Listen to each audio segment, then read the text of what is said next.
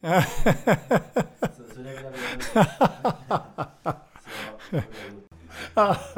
ja, det, där kommer du. ja, ja, ja, just det. coolt.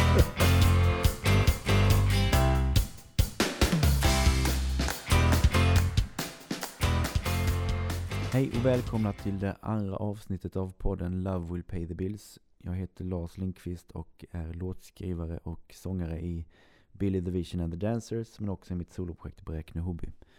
Eh, den här podden sponsras av elföretaget Elias i Blekinge och av studieförbundet Sensus. Eh, och jag är väldigt tacksam för att ni gör den här podden möjlig. 1986 hade jag spelat fotboll i två år ungefär och jag var helt besatt av att tänka på fotboll, läsa om fotboll men framförallt att spela fotboll. Eh, och jag var alltid först ut på skolgårdens fotbollsplan när det ringde ut på, till rasterna. Och sen var jag sist in i klassrummet när det ringde in sen och då var jag helt röd i ansiktet och svettig. Eh, och försenad ofta då. Och, eh, men min lärare som också tyckte om fotboll visste hur mycket jag älskade fotboll så han gjorde aldrig någon grej av det där. Eh, I alla fall så vid den här tidpunkten så hade vår familj en kiosk i Bräkne-Hoby eh, som gjorde att jag hade tillgång till alla morgontidningar och kvällstidningar. Och detta året, 1986, så gick ju IFK Göteborg, mitt favoritlag då, eh, till semifinal i Champions League. Och man fick möta Barcelona på hemmaplan på Ullevi i Göteborg. Eh, och i den första matchen eh, så vann IFK Göteborg med 3-0 och det var ju en jätteskräll i fotbolls-Europa. Och min favorit gjorde två mål och Tommy Holmgren gjorde ett mål. Och alla tidningar skrev ju om detta. Eh, och hade bilder på målskyttarna på framsidan och inuti tidningarna och på löpsedlar och sådär.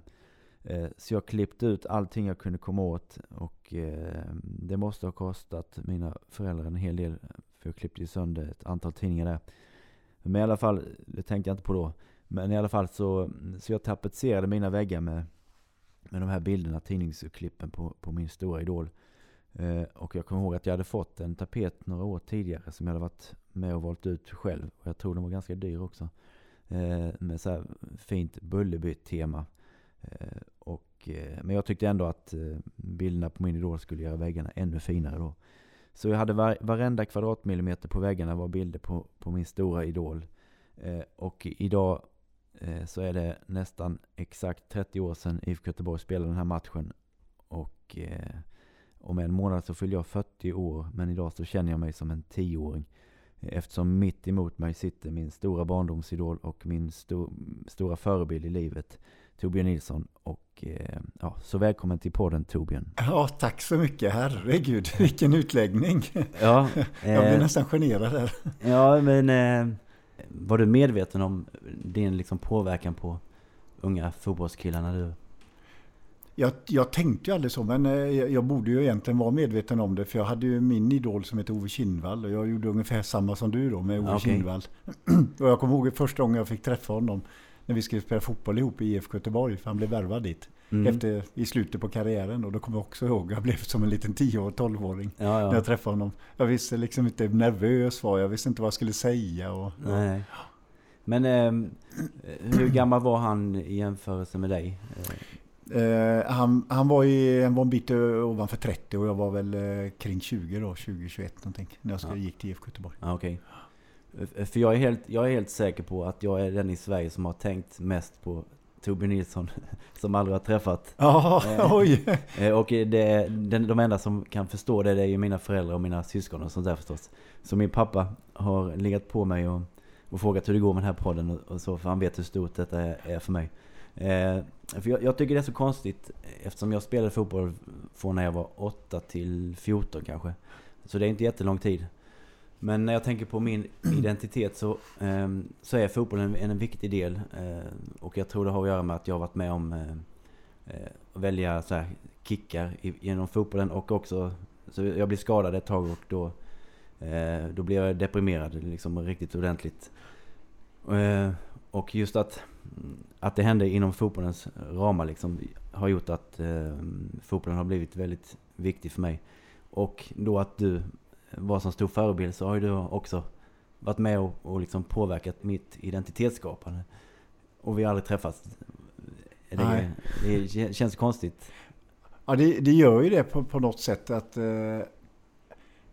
det, är svårt att förhålla sig till det. det. Det enda jag försöker tänka på hur, man är som människa det är ju att man eh, jag försöker tänka på att jag, jag försöker vara så som jag ville att min idol skulle vara. För mm. Ove Kinnvall var en jättetrevlig, härlig kille. Så att, ja. Eh, då försöker jag tänka också i, de termerna att man, att man är en bra förebild på det sättet. Ja, ja. Det, det, värsta jag vet är översitteri eller att man tycker att man är viktigare än någon, någon annan människa för man har mycket pengar. Eller, så, så att eh, den devisen försöker jag leva efter. Ja. Vad tror du det var? Eh, eller jag, jag, vet ju att du var idol för många ungdomar men jag, jag, jag, vet ju att ingen kunde så, så mycket om dig som jag när jag men det kanske hade att göra med att vi hade tillgång till alla tidningar och sånt där i kiosken. Och, och då fanns ju inte YouTube och så. Så allting som hände var man ju tvungen att snappa upp direkt liksom. Eh, se på alla sportspegelprogram och, ja. och läsa dagstidningar och sådär. Eh, men... Eh, eh ja men hur, hur kunde ditt eh, liksom idoldyrkande se ut? Eh, din, ja, ditt dyrkande för Ove Kindvall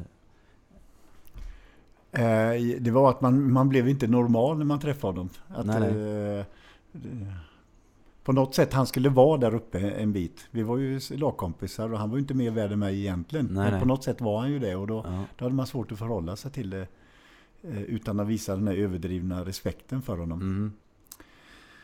Eh, men, men jag, jag, tror allmänt sånt där, eh, det här med, med idoldyrkan. Det, det, har ju blivit värre med åren och därför tror jag att de här som är eh, förebilder idag. Att de har en, eh, de har en viktig en viktig, kan man säga, det är viktigt för dem att de beter sig på ett speciellt sätt som gör att ungdomar idag inte tar efter deras negativa sidor. Ja. Och jag kan ju reagera idag när jag ser filmningar eller beteende men man försöker gömma undan pengar för, för skatt och sådana här saker. Det, det, kan jag bli irriterad på. Att ja. man inte försöker vara bra förebild. Ja. ja, men för det var ju mycket det. Och jag vet inte om det var um, att jag kände kanske att jag hade lite det i mig från början också. Uh, det här med, ja men just som du säger att, att du klagade aldrig på domaren. Vad jag kunde liksom, uh, jag vet inte hur mycket som är mediebilden heller. Och hur mycket som stämmer men men jag fick ju känslan av att du, du klagade aldrig på domarna och varje gång du blev fälld så reste du upp och eh, liksom fortsatte. Och eh, du var ju en individualist på ett sätt men du var ändå liksom, eh, som du säger, att du var liksom inte värd mer än någon annan. Och, eh, och jag hade väl det i mig, men det... det eh, ja, jag älskade varje gång jag blev nedsparkad till exempel. Jaha. Då, då, då tänkte jag bara, men Tobbe Nilsson hade bara rest, rest sig upp. och, eh, och ja. Men det var, det var någon som sa det till mig, det var nog efter karriären, som sa så här, du blir aldrig arg när någon sparkar ner dig. Nej, jag, jag tänkte aldrig så. Jag tänkte han försökte väl ta bollen. Ja. Jag, jag, är väldigt naiv som människa. Ja. Så jag trodde att han försökte ta bollen och, och missade och råkade sparka mig istället istället. Ja, ja. Eh, och, ja, vi fick ju frispark så att, eh, vad mer kan man begära tänkte jag. Ja. Så, så har jag alltid tänkt. Eh. Sen, sen, sen, sen, finns det ju, du, du, kanske inte har sett alla mina matcher då, men vissa spelare som, som jag vet då som var ute efter för att skada eller för mm. att manipulera. Det har ju mött sådana också. Ja. Men jag, jag, jag, tror aldrig jag var rädd för dem på något sätt. Utan jag, jag kommer ihåg det var en som försökte skrämma mig. Han spelade i Mjällby, mm. mittback där. Försökte skrämma mig och då, då sa till han, du ett enda ord till. Så när domaren tittar bort så har du en armbåge, sa jag. I, mm. i, i ansiktet, sa jag. Ja. Ja, men det... Och då, då slutade han. Ja, Okej. Okay. Kommer du ihåg vad han hette? Nej. Nej. Det, det, var en, det var en stor, lång, ljus kille. Ja, okay. ja. Men, eh... Han var på gränsen till landslaget vet jag i alla fall. Ja, okay. Mm. Jag tror ju till och med jag sätter dobbarna på honom sen lite senare alldeles vid, vid Mjällbys avbytarbänk. Så att, eh, och de får ju upp dem. Men jag, jag fick ingen gult kort för det var precis som domaren hade. Jag gör ingenting sånt nej, medvetet. Men det gjorde jag faktiskt. Ja, ja, och det var, det var för att på något sätt sätta dit honom. Så där håller man inte på med sådana här dumma grejer. Nej, nej. För en bild som jag, ett tidningsurklipp som jag bytte till mig. Som det var någon kompis som hade på dig. Då, då är det någon, som, någon försvarare tror jag som ligger ner och sen så typ hytter du med fingret mot den och är riktigt arg. Och den, den bilden, den undrade jag, den tänkte jag jättemycket på. Eh, vad, vad är det som har hänt här? Liksom han ligger ner, har han filmat eller vad är det som har hänt? Men det, det var just det här bilden av, av dig eh, som inte liksom... Det stämde inte nej, riktigt. Nej. Och det, det är ju underbart när man får alla nya bilder av, av ja. folk. Eh, men till exempel, jag träffade ju Rasmus Elm i förra poddavsnittet. Ja. Ja, han är lite blyg och, ja. Men jag kommer ihåg när han när Ronaldo, när han mötte Ronaldo så, eh, så tyckte han att han filmade och, och liksom, då bara helt plötsligt så blev han vansinnig. Ja. Och det var första gången jag, Och det var ju skönt att se liksom, ja. att man alla har allting inom sig. Liksom.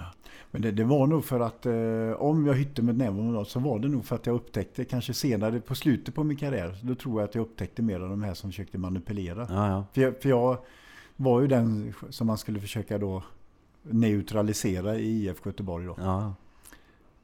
Att eh, det var nog en, en reaktion på det, att jag ja, upptäckte detta. Men eh, för jag kollade lite på den eh, eh, bortamatchen mot Barcelona också. Eh, och sen så hängde sig eh, Youtube på något sätt. Men, men under de kanske kvart jag kollade på den så, så hann du bli nedsparkad tre gånger ja. i bortamatchen. Ja, jag vet det. De är, de, jag hade dobbmärken uppe på låren. Aha. Och det var på den tiden du knappt fick julkort för sånt. Ja, ja. Så de försökte ju skrämma mig. Och de lyckades väl lite grann tycker jag. För jag, jag var väl inte... Det, det, som var negativt med den matchen det var att alla IFK vi gick ut med inställningen att vi ska hålla nere siffrorna. Mm. Och det, det, var precis det vi inte skulle göra. Vi var inte det laget som skulle hålla ner siffrorna Nej. utan vi skulle gå ut och spela vår fotboll och det gjorde vi inte i den matchen. Nej. Och jag, jag, också på något sätt kände att eh, det var resultatet som var viktigare än själva spelet. Ja. Och då, då är man inte sig själv. Nej. Och det var inte vi som lag heller den matchen. Jag tycker man ser det ofta att när folk spelar på resultatet. eh, alltså folk gör ju det så det måste ju vara framgångsrikt på något sätt. Men, men jag tycker varje gång man ser det så Alltså det funkar inte. Ja, man blir passiv på något sätt. Ja. Och det, det, finns en del, eh, jag har inget emot expertkommentatorer så, men jag tycker ibland så gör de det lite för enkelt för sig. De menar på att man kan stänga matcher. Mm. Eh, det kan man inte. Nej. Det finns alltid mot, motmedel mot att stänga matcher. För så enkelt är inte fotboll att man kan ha en, en taktik som gör att det blir så eller så. Nej. Eller man släpper in ett mål i 92. Det är klart man kan släppa in ett mål i 92. Då, ja. hade vi, då hade vi, det är ingen idé att ha övertid. Nej, och sen så väger man ju inte in det här mm, eh, för det är ju också förvånansvärt ofta som det händer saker i sista minuterna. Och det är kanske för att man liksom inte har tagit med i beräkningen att folk blir nervösa och... Eh, trötta? Ja, ja trötta. Ja. Ja. Alltså, alltså titta på Paris här i, i, med, bland annat med Jörgen Mörnbäck. Vi satt okay. ihop och tittade på Paris med Manchester City. Och då fick, eh, då fick någon i, i bollen i, om det var i City tror jag. Och då hade, då, då hade den här killen jagat, han var anfallsspelare. Han har jagat ganska mycket och försökte få bollen. Mm. Och så mm. fick han bollen. Mm. Och så gjorde han en grej bara efter 4-5 sekunder. Och då säger Jörgen så här, men vad sjutton, så där kunde, han kunde ha gjort så och så istället. Men Jörgen sa, han hade sprungit i 20 sekunder, han hade kanske 180 puls. Ja. Då kan du inte göra någonting. Nej. Då har du 5 sekunder på dig att göra någonting innan mjölksyran är uppe i, i öronen på dig. Ja. Jaha, ja, det, det, det, ja, det, det, gäller att ha förståelse ja. för det här. Tror du, um, tror du det är därför, vi pratade om det med, i mitt fotbollslag häromdagen, att eh, Zlatan hade 10 meter att springa eh, för att stoppa ett anfall, men, men han stod helt still. Ja. Eh, och han har ju så stor kropp också, ja. så må, han måste ju verkligen spela på sina, ja, lägga energi på det som eh, men tror du det är uttalat att han liksom inte ska lägga någon tid eller liksom kraft på försvarsarbete? Ja, jag, jag tror ju det. Han, han, han är ju ganska smart. Det är ju en av de smartaste spelarna som, som har funnits eh, tror jag med, med i många aspekter. Eh, men jag, jag, blev så besviken sist när, när Paris spelade i 86 minuten och ligger under med 1-0. Och så har Manchester City bollen nere vid hörnflaggan mm. och ska, kan slå in den framför Paris mål. Ja, då är en spelare där och, och, och tar bollen och det var ju bra, men det var Zlatan. Ja. Men vad ska han göra där nere? Ja, ja. Det, det gör ingen nytta. Nej. Och sen tog det 20-30 sekunder innan han var uppe i anfallet. Ja. Och det, det, det, jag har svårt att förstå det där ibland att man lägger man lägger arbete på fel sak. Ja, Men han, han eh, när de leder och så här så, så tar ju ofta eh, löpningar hemåt. Ja, eh, eh. det gör han faktiskt. Och det har ju ändrats ganska mycket sen han började spela. Mm. Ehm, ja, men eh, Zlatan är ju eh, ett kapitel för sig som jag tänkte återkomma till sen. Men eh, ja, i den här bortamatchen mot Barcelona, när det blev straffläggning till slut, så valde du att inte lägga, eller fick du förfrågan? Det, det var så att vi hade fyra ordinarie straffläggare på plan. Mm. Eh, Gunde Bengtsson som var tränare då gjorde ett litet misstag eh, som, eh, som var lite synd då. Det, det är inte lätt i den stunden Nej. när, när det, det var 97 000 och det, det är semifinal att kanske tänka klart. Men vi hade en straffläggare på avbytarbänken. Men han, han, bytte in fel spelare kan man säga. Han bytte in eh, Magnus Johansson mm. istället för Jerry Karlsson. Okay.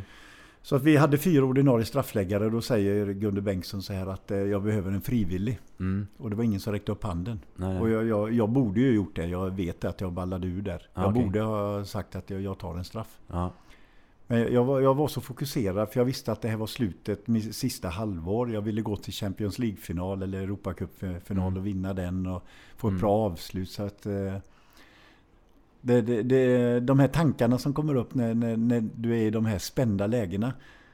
Mm. De, de, kan du inte styra över ibland utan det, det blir bara på, på grund av den, yt, pressen utifrån är så stor. Alltså. Ja. Så att jag ballade ur och jag borde ha tagit straffen men nu gjorde jag inte Jag tror att jag var efter Mort skulle jag slått den sjunde straffen. Ja, okej. Okay. Jag blev jätteförvånad över att du inte tog en straff ja. och eh, kände nästan så här att, eh, att jag började gråta. Så. Ja. Eh, och också när du, när du slutade spela sen så började jag också gråta. Men, eh, men jag tänkte på den här, för du har ju haft, hållit föreläsningar om eh, mental träning. Ja. Eh, tycker du att det är lika viktigt nu som då när du höll på med att föreläsa om det?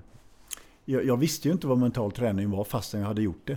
Nej, nej. Det är det som är så konstigt. Jag, jag gjorde ju mental träning eh, för, eh, det var när Svennis kom till IFK Göteborg 1979. Mm. Jag lyssnade på band men jag förstod aldrig vad det var för innebörd av det. Det förstod jag först efter jag slutat. okay. Och det var då egentligen eh, jag förstod att jag kunde gjort en bättre fotbollskarriär om jag hade haft mental träning vad det var mm. när jag spelade. Eh, och då, därför var jag ute och pratade om det, för jag ville hjälpa andra med att styra sina tankar. Ja, ja. Och jag, jag, vet ju idag, eh, det jag lärt mig då från Barcelona, det är ju att hade jag, hade jag, hade jag varit Gunde Bengtsson och varit väldigt psykologisk så hade jag gått fram till, eh, till, till mig då mm. och sagt till mig så här, Torbjörn, tänk det här, tackar du nej, det kommer folk att komma ihåg. Mm. Missa en straff, det, det, kan vem som helst göra och det, det glöms. Ja. Det skulle jag ha sagt. Mm. Men nu, nu blev missa straff var större än att bli ihågkommen som... Jag tog i alla fall en straff. Ja. Sen om jag har slått in eller inte, det är en annan sak. Nej, precis.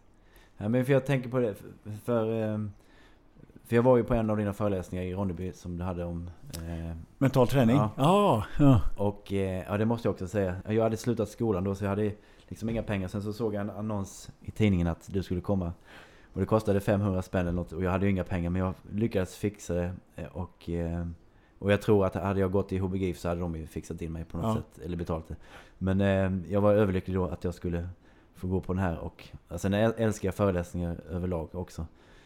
Men det var ju en underbar stund. Och sen i slutet så sa du att om det är någon som har haft spänningshuvudvärk ja. så, så kan jag visa, så kan jag massera lite och liksom ja. känna. Och det har jag haft jag har haft spänningshuvudvärk mycket och eh, migrän och sånt.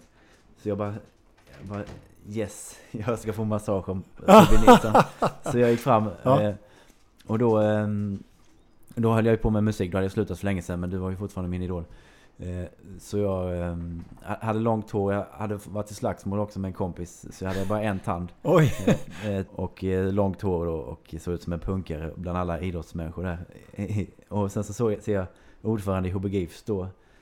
och se mig eh, få massage av Torbjörn Nilsson. Och jag, jag, skulle så gärna vilja veta vad han tänkte när han såg det. En långhårig, tandlös eh, punkare typ som fick... Eh, men eh, men där, där sa du också något, jag vet inte om du kommer ihåg det för det handlar kanske inte så mycket om mental träning men eh, du pratade nämligen om eh, relationer som var mer, eh, som tog mer än de gav.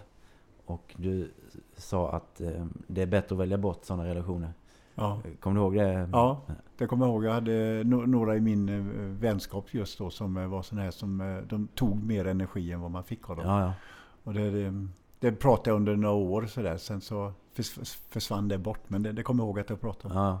För det var aktuellt just då. Ja, ja för jag har nämligen eh, väldigt tufft att ta sådana beslut eh, och välja bort nära relationer som inte har funkat liksom. Men, eh, men jag men just det att eh, man slipper utsätta sig för eh, massa jobbiga situationer när man väljer bort. Och sen så kan ju vad som helst hända, att man blir vänner igen sen. Ja, det kan Men det, det, har också varit Eh, jag kan inte säga att det var på grund av dig jag gjorde det men, men det var skönt att höra det. Ja. Att, för det, det får man ju aldrig höra det.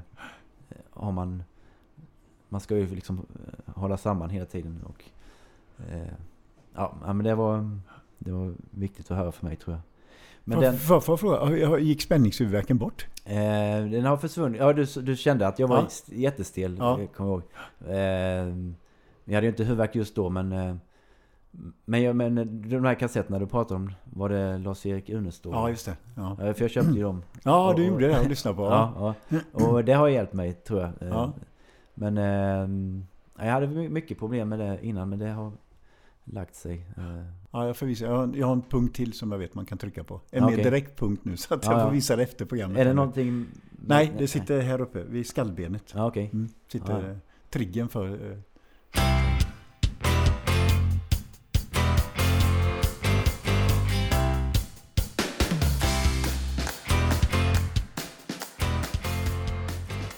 Men just den här, eh, eftersom vi har varit inne på Zlatan och eh, på eh, straffmissen. Eh, hur mycket vet du om genusvetenskap till exempel? eh, väldigt dåligt. För jag läste genusvetenskap i Malmö i mm, tre terminer i alla fall. Och sen min B-uppsats eh, så kollade jag på, var intresserad av hur, hur man, man presenterade liksom invandrarmaskulinitet i media. Ja, Och då så, så ville jag hitta ett, liksom, en situation som jag kunde kolla på. Då, och då var det den här när Zlatan tog straffen från Kim Källström. Kim Källström, ja. Och jag liksom samlade ihop material och eh, hittade jättemycket då. Och då, då fanns någonting, eller det finns fortfarande inom genusvetenskapen, något som heter ehm, eh, intersektionalitet. Vet du vad det är? Nej. Ja, men det är att man, man, man tar hänsyn till eh, till exempel en, en socialist ser bara klass Ja. eh, och en, en så old school feminist ser bara kön. Ja, Men i den här moderna feminismen och genusvetenskapen så, så se, försöker man eh, se eh, här, om man är till exempel handikappad och et- etnicitet och klass och kön. Och Ja. Att man behöver kolla på alla det. Att man inte bara kan kolla på eh, en sak då när man gör sin analys av någonting. Eh, och det var intressant och det var det jag använde mig av när jag kollade på det här. Och det är väldigt intressant. Eh, dels att du och Zlatan är mina stora idoler. Och eh, det här med mental styrka. Och att han, han valde liksom att ta en straff fast han inte Ja. fick det. Och du valde att inte lägga ändå. Ja. Eh, Och det jag kommer ihåg i Sportspegeln så blev det värsta eh, kalabaliken när han hade sno- snott den här straffen. Det var tio experter som skulle prata om det där. Ja. Och Aftonbladet skrev, hade ett helt uppslag. Och då var det en, hade de ju så här fotomontage med Sören Åkerby tror jag det var. I ena hörnet och sen så såg han arg ut och kollade ner på Zlatan i andra hörnet. Som eh, så var det så här skamsen. Ja. Och sen emellan då så var det den svenska flaggan. Så att det som Zlatan hade gjort var att bryta mot det ja. typiskt svenska. Ja. Trots att han är liksom eh, född i Sverige och eh, alltså var man så tyckte man att det var viktigt att liksom poängtera att det var mot det svenska som man hade. ja just det. Eh, alltså det var ju, och det var ju, där, där var ju Simon Bank en av dem som var hårdast mot Zlatan och sen så har han gett Zlatan Guldbollen tio gånger efter. Ja, just det. Ja. Eh, men eh, men vad, hur ser du på den situationen med, som Zlatan där till exempel? Jag hörde att han bad, bad om ursäkt Ja. eh, det, på middagen sen Ja. inför alla spelare. Ja, Och det är ju starkt. men men allt, allt i livet har en, som har en framsida har också en baksida. mm, Så om man ska ta det med Zlatan så, så man får han, han har ju skapat så mycket, gjo- gjort så mycket framgång. Så måste du också vara medveten, för att du ska vara på den nivån så blir det en baksida. ja, Och den får du leva med då. ja, Jag, jag, jag tror att Zlatan hade ett enormt behov eh, att vilja bli bra och visa att han duger här i världen. ja, Och det, så det var ju ett steg i karriären att ta en straff där då. ja visst. Sen, sen kan man ju säga så här att eh, eh, all, eh, alla reklambyråer i hela världen de, de är inte i närheten av att vara så duktiga som, eh, som Zlatan är. Nej. Att, att man har lyckats bibehålla det attraktionsvärdet som man har i, Mm. i så många år som man Ja. har gjort. Det tycker jag är helt imponerande. Ja, ja. Eh, Jag kommer ihåg att jag tränade Häcken eh, ett år. Det var precis när Zlatan slog igenom. Och då skulle han komma ut till Rambergsvallen där vi skulle spela Svenska Kuppen. Okej. Nu slog vi ut Malmö och, Malmö, och han blev utvisad Zlatan. Jaha. Och då gick han av planen. Och då slog han eh, ner en mikrofon som stod som Sveriges Television hade ställt upp. Mhm. Han bara slog till den så den bara flög. Och den här jordkillen då som hade hand om den här han kom ju flygande mot Zlatan. Och de skulle börja slåss. Ja, okay. ja, så det var världens kalabalik där på plan. Men det, det som var jag ska säga imponerande av Zlatan sen, det var att efter matchen så går han inte in till, eh, till journalisterna. Utan han går ut och skriver autografer till alla småkillarna istället. Precis. Och det, det tycker jag, det, det, är ju liksom inte att... Man gör precis det tvärtom. Och det är det man måste ta, ta med honom. Ja. Att han, han, gör saker tvärtom. Och ja. Det är det som har gjort han så stor också. Ja. ja men jag tänker på dig som har varit... Ehm, som har behövt den här tryggheten i laget kanske. Eh, han har, hade ju inte den tryggheten. Han, han ehm, har ju fått kämpa själv liksom så mycket. Ja. Eh, och har du sett den här blådårar? Nej, jag har inte sett den. Nej. Eh, nej men där säger de att ja, men bara för Zlatan kan stå och jonglera vid hörnflaggan så tror han att han är nästa Maradona. Ja. Och, sen, och nu är han nästan Maradona. Ja. men, men, eh, nej, men jag tycker det är intressant att jag kan eh, dels ha dig som är då som är liksom på många sätt motsatsen. Eh, Till Zlatan ja. ja. Och, och att du har sagt i flera intervjuer så mycket eh, bra saker om honom också. Det är ju häftigt. Och du sa ju också i den här Olof Lund-podden att eh, han kräver liksom bollen som du inte gjorde när du var proffs. Nej, jag gjorde inte det. Men eh, det, det kanske som du säger, det kanske har med, med hans uppväxt att göra. Du, du var tvungen att kräva bollen där. Ja, ja. Ja, precis. Sen finns det väl någonting i generna där inne som, som gör att du vill ha makt. Jag, jag var aldrig intresserad av makt. Nej. Jag tror att Zlatan är, är mer intresserad av makt. Och sen kan man alltid fråga var kommer makten ifrån? Att man vill ha makten över medspelare. Mm. Om, om, det är, om det är från mindervärde, att man ska visa att man duger eller vad det är. Det, mm. det, det, kanske man inte ska bry sig så mycket om. Men eh, Nej. Vi, vi är olika i alla fall, det, ja. det kan man konstatera. Ja, hur mycket följer du Zlatan? jag, jag, tycker, ehm, jag tycker så här att de har sagt att han är världsstjärna och är som bäst. Och jag, jag, jag, kan hålla med att han är som bäst att göra mål, men jag tycker inte han är som bäst som fotbollsspelare just nu. Eh, för jag tyckte att han var, han var roligare att se för 5-6 år sedan, när han kunde dribbla och, och dra två, tre spelare. Idag så, så med hans stora kropp idag så, så kan han inte dribbla spelare för han har tappat den eh, finmotoriken. Mm. och det ser man ibland när han kommer i vissa lägen så, så, så gör han inte det han gjorde för 5-6 år sedan. Nej. Nej men det är intressant det du sa innan att han är en av de smartaste spelarna. För han, det känns som han har anpassat eh, sitt spel efter sin kropp och ålder ja. också säkert. Mm. För du har inte, jag kommer ihåg efter 30 så kommer jag ihåg att eh, de här dribblingarna som jag gjorde, för, för det är ju liksom en finmotorik. Mm. När finmotoriken stämmer, det är ju alltså signaler som skickas från hjärnan eh, mm. och som påverkar muskler, eller cellerna i muskeln. Hur de ska spännas, vilken, eh, hur och eh, när och så vidare. De kände jag börja försvinna lite grann efter 30. Okay. Och då var man tvungen att anpassa spelstilen lite grann. Mm. Så jag, jag vet ju i slutet på min karriär så var inte jag lika bra att dribbla som jag var kanske när jag var 26, 27, 28. Mm. Utan då, då fick jag anpassa genom att vara snabbare eller starkare och och det, ja. det, ser jag på Zlatan idag. Han dribblar inte. Han, han, han, eh, när han får bollen och ska gå ifrån en spelare så lägger han bollen på sidan och går 90 grader åt vänster. Ja. Eller höger då. Ja. För, att, eh, för att klara att behålla bollen. På grund av ett litet tekniskt strul så får jag ett litet inklipp här. Eh, vi pratade om när Zlatan var på avbytarbänken. Han hade Söderberg som förbundskapten. Och Zlatan började knyta skorna och göra sig redo för ett inhopp fast att Söderberg inte hade sagt att det var dags. Eh, och publiken började ju jubla och skrika Zlatan och på så sätt så satte Zlatan press på Söderberg. Så vi pratade lite om Söderberg, sen så kom vi in på Lagerbäck. Eh, och eftersom de har eh, så olika filosofier så, så, så pratade vi vidare om detta och det gör vi nu. Lagerbäck eller Söderberg, vilken passar dig bäst? Jag, jag, jag fick ju Svennis, han, han mm, revolutionerade ju mig, eh, eller IFK Göteborg och även mig då.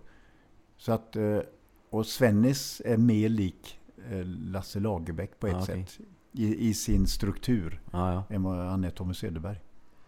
Så att eh, om jag skulle göra en jämförelse så tror jag att eh, Lasse skulle passa mig i alla fall eh, fotbollsfilosofin. Mm. Än Söderberg utan att vara 100% säker. Sen, sen är ju Tommy Söderberg är en underbar person att ha att göra med ja. som ledare och ha koll på läget och vill alla väl och så här. Mm. Så att, eh, mänskligt så tror jag nog att eh, Tommy hade passat mig bättre på, på det sättet. Ja, okay. Men fotbollsmässigt Lasse. Ja. Han berättade för mig, jag var med i Kings Cup eh, som U21-kapten. Fick jag åka med för det var väldigt många U21-spelare som fick åka med till Kings Cup i Thailand. Mm. Norrlandslaget var där på januariturnér. Eh, och då, då, då, gick Tommy Söderman med sin eh, kostym då som han hade för fotbollsförbundet. Så hade han den här lappen kvar här. Och den, den brukar han, han, säga, ja den är mest, jag vet att jag ska ta bort den men det, det är så kul när spelarna har roligt åt det. Ja, ja. Att jag tror att den ska vara kvar där. De tror att jag tror att den ska vara kvar där men det, så är det inte. Så, så sådana där grejer höll han på med. Och, ja. Det är ungefär som eh, lille Vincent som jag hade nu, lille sonsonen här. Mm. När jag läser eh, Alfons Åberg för honom i morse. Mm. Då, då, då låtsas jag läsa, så tar jag boken upp och ner och börjar ja. läsa. Och då, då, det tar ju bara två sekunder så ska han vända på ja, boken och lära mig någonting. Ja. Och då blir han så glad när han har lärt mig någonting.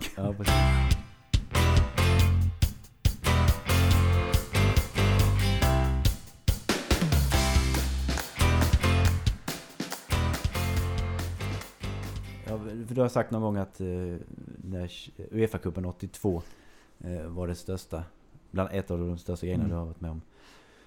Eh, och då var jag ju för liten för att följa det, men eh, har du kontakt med några, några av de spelarna i, idag? Från 82? Eh, ja, Stig Fredriksson och jag umgicks eh, till och från. Under, det gör vi fortfarande till och från sådär. Eh, Glenn Hysén och jag har väldigt mycket sms-kontakt. Okay. Eh, och sen träffar man de andra lite då och då kring IFK-matcher. Mm. men det, det som var så... Man kan säga så här att laget 86 kanske var bättre individuellt sett än mm. laget 82. Mm. Det är många som vi gör, eftersom bägge var så stora i Europa. Så, så, så tror jag att det laget som var 82 var eh, individmässigt sämre men det var som lag betraktat var det bättre. Mm. Det, vi var som ett självspelande piano. Eh, och alla spelarna vi hade någonting som är väldigt viktigt för en grupp att, eh, att kunna bygga på. Det är att vi accepterar varandra, vi accepterar varandras kompetens, vi accepterar våra roller. Mm. Vi förstod våra roller och det var ju tack mycket eh, var det Svennis då. Men, men sen så hade vi det här att acceptera varandra. Det, det, är så lätt när du ska börja jobba ihop på en arbetsplats och så är det vissa som eh, har polit, eh, politiska färger till höger och vissa mm. har till vänster så ska man jobba ihop och så kanske de inte klarar det. Nej. Fastän målet är gemensamt så har de ändå problem för att de, de eh, tycker inte om den för den är höger eller vänster då. Och så var det i IFK Göteborg där 82. Vissa var till höger, vissa var till vänster. Men vi, vi la det åt sidan. För ja, okay. Det viktigaste är att vi ska vinna våra matcher. Mm. Ja, det är konstigt hur... När man träffar någon ny människa som verkar vara en underbar människa. Och sen så får man reda på vad, man, vad de röstar. Liksom ja. vad, hur det påverkar en själv. Ja. Eh, och det är ju det är ju så sorgligt att det är så eh, på många sätt. Man, man, får lägga människor i fack på något säs eh, först människan som vi som ska göra det här ihop mm. mot det här målet. Och då måste jag uppträda professionellt mot den. Ja. Jag behöver inte bli god vän med, med den. Men jag måste ju vara så att vi, de, de känner att jag accepterar. Ja. Sen så privat, ja, man på firmafest och så, så då kanske man inte accepterar den nej, som nej. på firmafesten. Nej, precis. Men eh, jag hörde något rykten om Ruben Svensson. Att han vägrade spela på första maj. Ja, ja det var, det var, Ruben var väldigt röd om ja. man säga så. Och hans, hans bästa polare. Mm. Han och jag delar alltid rum, Ruben. Okay. Men hans bästa polare det var ändå Glenn Strömberg. Eller ja. förlåt, Glenn Holm. Okay. Och Glenn Holm var till höger och Ruben okay. var så långt till vänster ja, man kunde men komma. Det... Men ändå var de jättegoda ja, vänner. Ja. Uh, ja men det är, det är ju det är väldigt befriande. Och liksom Gudrun Schyman och Carl Bildt var ju väldigt eh, bra vänner också. Ja. Trots att de är så olika. Jo, du startade ju en restaurang. Jag måste bara ta detta för annars, om jag glömmer detta så, eh, så blir det inte bra. Eh, jo, vi, jag har en bekant i Göteborg som tog mig till Tottes restaurang. Oj, jaha! Eh, och sen han tog mig också till Kamratgården där han tog en, en grästuva och ville att jag skulle ta med den hem och försöka plantera Oj!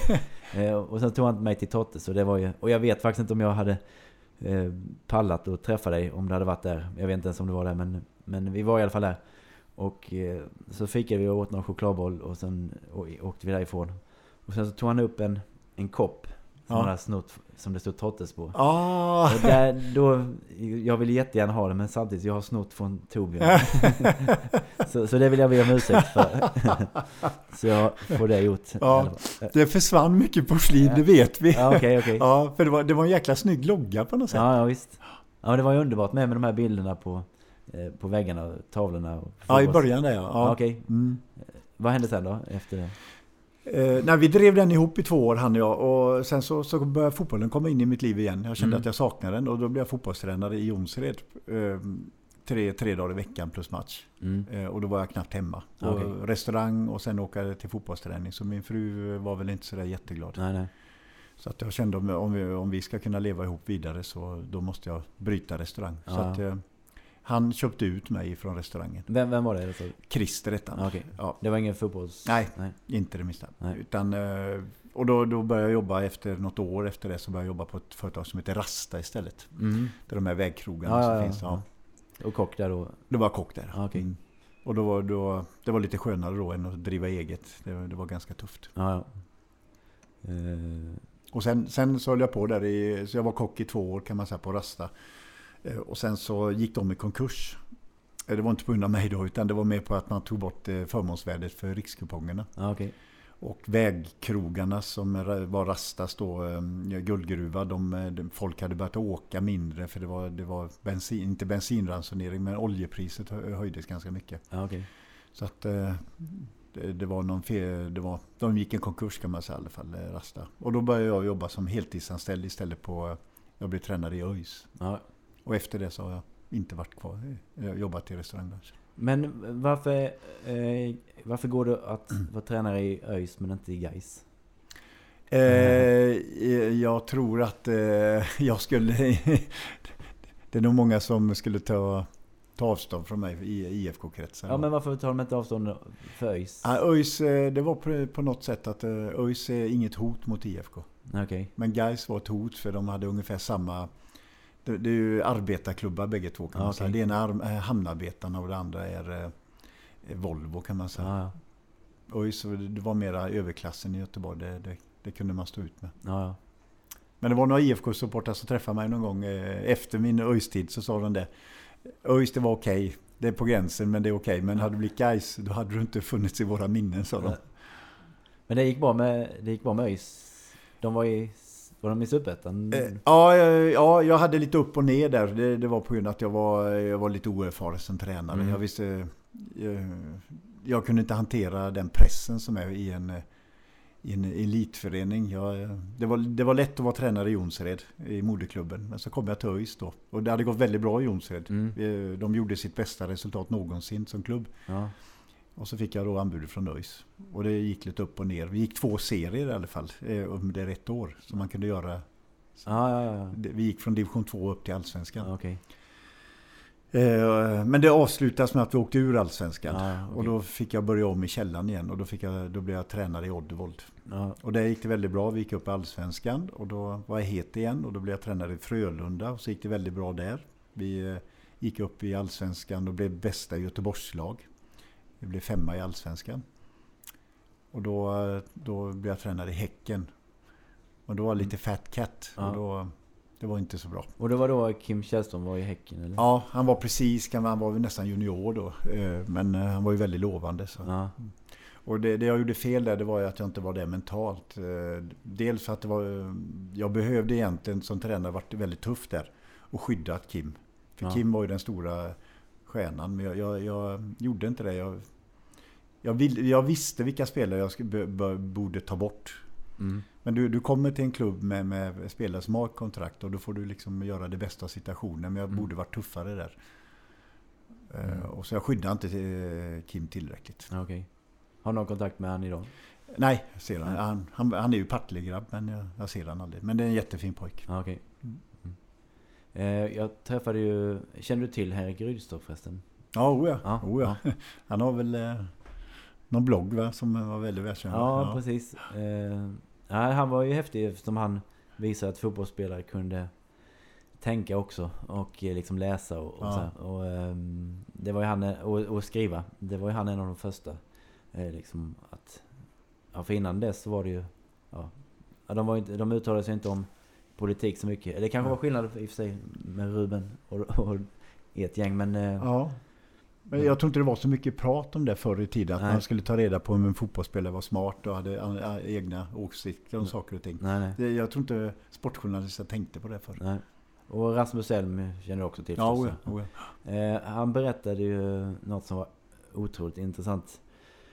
Eh, han var ju väldigt lovande ganska tidigt och han fick massa erbjudanden om att åka på så här ungdomsproffsgrejer i Ja. Norrköping och Malmö tror jag. Ja. Eller överallt.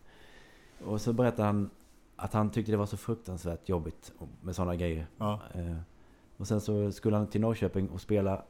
Eh, och så gick han och la sig. Och sen så vaknade han vid, vid halv tio eller nio eller något sånt där. Och bara, men vi skulle åka iväg. Var, var, ja, varför är vi inte på väg liksom, till den här ungdomsproffsgrejen? Och då hade hans föräldrar sagt. Ja, men vi, har, vi har ju känt att du inte eh, kände för detta. Så vi, vi ringde och ställde in det. Och det, det sa han att det, det var den bästa känslan han någonsin har känt. Vad skönt. Och, och då ja. var det en inställd liksom, proffsresa, Ja. eh, ungdoms. Eh, har, har du något sånt eh, enskilt minne som... Nej, det har jag faktiskt inte. Nej? Jag, jag tyckte det var jätteroligt att åka med stadslaget och allting Ja, sånt okej. där. Ja. Jag, har, ald- jag har alltid varit hemmakär så, men jag har alltid ändå tyckt att det var roligt att åka iväg på sådana saker. Ja. Så det, det, men jag, jag kom ju fram väldigt sent. Jag, jag behövde ju aldrig... eh, som det är nu så är det ju mera att du, eh, om du värvas till IFK och du inte är etablerad, Mm. ja då hamnar du i deras U-trupp, U19 eller U, tror jag det var, U19 ja. Och så ska du kämpa där med andra som eh, ungefär som eh, eh, unga tjurar som ska Ja. för att komma in i Madrid och tjurfäktningen. Mhm. Och alla slåss ju för att få A-kontrakt. Ja. Så, så var det inte på min tid då. Det fanns inte de här akademierna utan du, du blev värvad och så hamnade du i A-truppen direkt. Ja. Vilket tror jag är, är bra. Mm. En del går ju den vägen men jag tror att det hamnar med en massa andra unga tjurar som också vill visa som kanske inte tänker på, på ditt bästa. Nej. Det, det, det tror inte jag på en, Jag tror inte det är en bra miljö. Men, men du menar att du tycker inte om eh, den här eh, akademigrejen? Eller gillar du... Jo, alltså den är, den är nog viktig att den finns. Ja, ja, okej. Det tror jag. Men jag tror inte det är bästa p- plantskolan. Nej, nej. Utan jag tror att eh, eh, eh, om man ska göda eh, unga spelare så, så sägs då, forskningen säger då att de, de som är allra bäst, de har fötts i en mindre förening, Mm. Eh, kommit fram tidigt eh, och får träna med äldre spelare Ja, som inte har sett dem som konkurrenter. ja, Det sägs vara den bästa myllan då. ja okej. Sen kan jag förstå IFK Göteborg då att de vill ha koll på att köpa tidiga spelare tidigt. Och istället för att de spelar då i en division 3-klubb när de är 17-18 så är det bättre att ta dem till akademin och få träna 5-6 gånger i veckan. Mm. Så att de är förberedda för att komma in i den här. Så att jag förstår den övergången där. Ja, För det är inte alla som klarar det. Som, som i Jonse då när jag spelade, då spelade, tränade vi tisdag, torsdag, spelade lördag. Det var två träningar i veckan. ja, Och sen då blev jag värvad till IFK och då tränade vi tre gånger i veckan. Fyra gånger på försäsongen, så det, det var liksom ingen stor grej. Idag när du kommer till en allsvensk klubb så är det sju pass i veckan. ja. Så att det är den övergången som är svårare idag. Då. Var, var det förresten Oddevold som du var... eh, som du hoppade in lite och spelade med? Nej, det var Jonsered, Okej. moderklubben. Ja. Ja, okej. För ni mötte Mjällby och då var jag på plats också. Och du kom in... Nej, jo jag, just det. Jo, jag spelade ett år ja. Ja, Stämmer, vi mötte Ja. Mjällby. Ja. ja. Och, ehm, Vi förlorade med 3-2 kommer jag ihåg. Ja, du gjorde Ja. 3-2 målet tror jag. Ja, Uppe i krysset eh, på nära håll. ja okej. Men... Eh, eh, Ja, jag tyckte det var en rolig grej. Egentligen borde jag inte gjort det då, men eftersom det var moderföreningen. ja, Och så tyckte jag att eh, det, det kan vara kul att spela ett år till som avslutning. Men eh, så här i efterhand så borde jag inte ha gjort det. Men eh, det var ju, för mig var det fantastiskt att se. Och liksom se, eh, det var ju ändå kvalitetsskillnad tyckte jag, direkt när du kom in. Eh, men... Eh, Ja, det kanske var. ja, jag tänkte aldrig så. Utan, men, men jag håller med. Ibland, ibland kan man tycka, var- varför kan man inte varva ner som en före detta elitspelare? mm, Jag kommer ihåg för en 15 år sedan så kom jag ner till Jonse och skulle titta på Jonsens B-lag. Peter, min son, spelade där då. Han, han var ung, lovande. Och så skulle de möta Torslanda. Och så ser jag i Torslandas B-lag, vem springer där? Glenn Hysén! ja, ja, ja, ja. Då spelade han i Torslandas B-lag. Tyckte att det var roligt att bara spela. Ja, ja. Och jag, jag tänkte så här, men Glenn, du har ju spelat på Wembley och allting. Mm. Vad, vad springer du här för? Men å andra sidan, alla spelare i Jonse, de var ju överlyckliga för att möta Glenn Hysén. Mm, Spelarna i Torslanda för, för att ha med Glenn Hysén. Så att egentligen är det ju bara gott att Ja, ja. äldre spelare är med och spelar. ja, det var ju härligt när Henrik Larsson också var med i, eh, vad heter de, höga... Just det, han hoppade in där ja. Ja. Eh, jo, just det. Ehm, jag spelar ju, jag, jag, som vi, jag är ju egen företagare sedan många år. och håller på med musik. Och det är väldigt svårt att veta liksom när... Man går och tänker på det hela tiden liksom. Ehm, så fort... Ja, och det blir ju nästan för mycket ibland. Och då är det så skönt att ha... Jag spelar innebandy varje söndag till exempel. Och sen har jag börjat spela lite fotboll. Och det är ju... Alltså det är helt fantastiskt att liksom bara koppla bort allt annat och bara liksom spela innebandy eller fotboll. Eh, och det frågade jag också Rasmus Elm. Eh, för hans del kanske det är bara fotboll som gäller. Och liksom vad behöv, behövde du någonting när du höll på som, eh, liksom för att komma bort från fotbollen? Eller var det... Eller behövde du inte det? Jag, spelade, jag började spela golf. Jag var nog en av de första som började spela golf lite grann. Okay. Det var då när man kunde gå ut på banorna på dagen och det var inte människa. Ja, nej. Det var ingen stor sport. Nej. Det var väldigt roligt. Sen spelade jag tennis. Sen fiskade jag mycket också. Så att, ja, ja. Jag hade nog mycket hobby sådär. Jag ser att du har en, en båt. Är det din eller? Ja. Vad är du med den för någonstans? Eh, det är sjön där nere. Okay. Men golf är ju fantastiskt på det sättet också. Mm. Och liksom en hel dag går åt. Eh, och man tänker bara på nästa slag. Och... Man är här och nu ja. ja. Mm. Jag, jag, kan, eh, jag kan nog känna den känslan ungefär. Som du, Ja, att okej. man bara gör en grej bara för att det är roligt. Ja, och få skingra tankarna lite. Ja.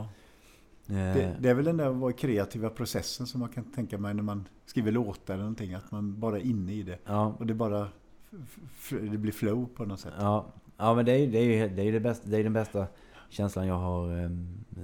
Ehm, när man känner att man har gjort någonting. Det här kommer bli en färdigt en låt och så man bara lyssnar om och om igen, jättehögt. Alltså den känslan eh, går ju inte att eh, ta bort. Liksom det, Nej. det är den mäktigaste känslan som jag har. Det finns ju en del som säger så här att eh, de, de är... Man vill ha färdiga svar på allting. Jag vill göra en bra låt eller jag vill spela en bra fotbollsmatch Mm. eller jag vill få en bra laganda. De- Den boken eller det beteendet det finns ju inte. Nej, Man kan inte liksom bara göra så här så blir det. nej. Det, det ingår ju i vårt liv på något sätt att eh, det ska vara lite oförutsägbart också. Ja, Man ska inte veta att det- det jag startar nu blir bra. nej. För då hade livet varit tråkigt tror jag. Nej, jag har ju skrivit hundra låtar och jag eh, vet ju fortfarande inte hur man gör egentligen. Nej, Liksom. Nej. men, och en eh, del uppfattas som väldigt bra och en del uppfattas mindre bra. Ja, ja, Ja. men eh, just att man, man tror... I och för sig så har jag kunnat slappna av lite att jag vet att om jag sitter... Ja, För jag brukar sitta tre timmar om dagen och, och då vet jag att det kommer saker liksom. Alltså jag kan inte vänta på den här gudomliga inspirationen. Då händer det bara två gånger om året och det Ja. är för lite. Men, men, men det är konstigt ändå att jag vet inte hur, det går till riktigt. Nej, det, Eh, det finns där inne. Ja. Ja, Det, det är ungefär som när jag föreläser. Jag, jag har inget manus idag. okej. Utan jag har hela mitt manus i huvudet. Mm. Och jag, jag, jag får inte, jag får gå in där och försöka, och så gäller det att hitta den känslan för, så att det manuset kommer ut i, i en bra form. Ja, det, och det, det hittar du ibland. Så ju mer erfarenhet du, du, du har, ju mer kan du hitta, eller oftare hittar du det. Ja. Ja, jag, jag tyckte det var, ju, det var en underbar föreläsning. Det kändes som det passade dig väldigt bra. Ja, nu föreläser jag om eh, laganda istället. Ja, precis. Ja, så att jag, jag, jag tröttnar på det med mental träning. Eh, Det var ungefär som Rolling Stones när de sjunger Jumping Jack Flash eller Painted Black för eh, 387 gången. De tröttnar så vill man göra om den lite annorlunda. Ja, ja. Och det, det var ungefär samma med det. Nu ska jag berätta den här historien igen. Jag orkar inte det. Nej. För ni kan väl den? Det är så, de hemska tankarna man, man Mm. får som föreläsare. Men, eh, ja, men jag, var ju i ett annat... Vi flyttade till Malmö och satsade på musiken då. Ja, I ett band. Och sen eh, kände jag ganska snabbt att vi hade olika liksom... Eh, vi ville olika saker med bandet och spela liksom, eh, en viss sorts musik ville Ja. någon. Och då bara kände jag, nej men jag kan inte... Och det var en sån, att när jag tog beslutet att nej, men jag ska göra om. Jag ska slu- sluta med det här bandet och sen så börja ett nytt. Där jag är liksom eh, är tydlig med förutsättningarna. ja, Att liksom all musik kunde spelas så länge vi tyckte det var... Eh, ja men liksom att vi inte behövde en viss genre eller så. här. Och det, eh, det gjorde jag då. Och det var ett jättestort beslut för mig. Och jag visste inte vad som skulle komma liksom. Med det. Eh, och sen... Eh, så då skrev jag en låt som jag kände, den här kommer de andra inte vilja spela. Men jag vill ha med den här. Och sen så spelade vi in den låten med det här nya bandet som jag hade. ja, Och det var den som många år senare som, eh, som eh, det här spanska ölföretaget ville ja. använda i. Eh, och den, har, den, det är ju en av favoritlåtarna som publiken har. Men, men jag känner liksom, den symboliserar så mycket liksom, eh, att jag tog rätt beslut, att jag vågade. Och, eh, och att det var rätt beslut eftersom den har hjälpt mig ekonomiskt jättemycket, Ja. den låten. Och, så jag känner inte liksom att jag kan tröttna på den. För den Nej. har sån plats liksom. Ja, precis. Man spelar från hjärtat, inte från hjärnan. Ja, och... Eh, Vad heter låten? eh, Summercat. Sanning, ja. Och det... mm, Eh, alltså... mm, Den liksom betyder... Alltså, jag har skrivit många så här mer eller mindre självbiografiska texter. Men den har, är liksom inte en sån. Men, så den texten betyder liksom inget för mig. Men det är just låten att Ja. den symboliserar så mycket. Eh, ja, det... det men jag, så jag är inte som Rolling Stones, att jag kommer att tröttna på den. Den, den kommer alltid ha en plats. Den kommer alltid fram. Ja. Eh, ja men eh, jag måste bara säga också det du sa i Olof Lunds podd. Du sa... Ja du fick ju frågan när du grät senast och då var det om... Var det när du såg Freddie Mercury Ja. Ja. Eh, och jag kan säga att när jag grät sist var igår när jag lyssnade på den podden när du sa att eh, vi måste ta hand om eh, människorna på jordklotet eller något sånt där. Jaha, Eh, oj så pretentiöst. Nej men det, Ja. nej, men det, mm, det var ju... Eh, ja men jag, jag är ju väldigt eh, svag för sånt. Speciellt idag när samhället ser ut som det gör. Ja. Så, eh, och därför jag må- jag måste bara fråga vad du tycker om det. Love Pay the Bills. Eh, den är jättebra för det finns en Queen-låt som säger Love Don't Pay the Bills. Ja precis. Som ja, heter ja. Love Kills. Ja okej. Ja. Eh, Så jag såg texten så tänkte jag, jaha, det är motsatsen till, till vad, vad Freddie Mercury sjunger. ja för Dolly Parton har också en låt som den sjunger Love won't pay the bills. Just det. Ja. Men eh, jag tänker, när alla frågar vad liksom, eh, hur vi ska betala för alla de här eh, flyktingar som kommer så tänker jag att det är bara kärlek som kan betala räkningarna för det. Ja just det, jag tänkte visa dig en... Här kommer ett inklipp igen eh, för att jag visar nämligen bilder från mitt Instagramkonto. Eh, där jag visar eh, bilder från fotbollskanalen, fotbollskanalen On Tour. När de kommenterar Hamrens landslagsuttagning och de skriver ena dagen det ser ut som en jävligt bra elva och sen nästa dag så skriver de något helt annat och det är det jag visar Torbjörn Nilsson. Så här är en bild från fotbollskanalen. Du ser överskriften där. Det låter som en jävligt bra elva eller något sånt där. Står det. Och så ska jag visa dig Ja. da- dagen efter sen. Ehm, Det var alltså dagen efter. Eh, ja. Hamrén måste byta spelare står Ja.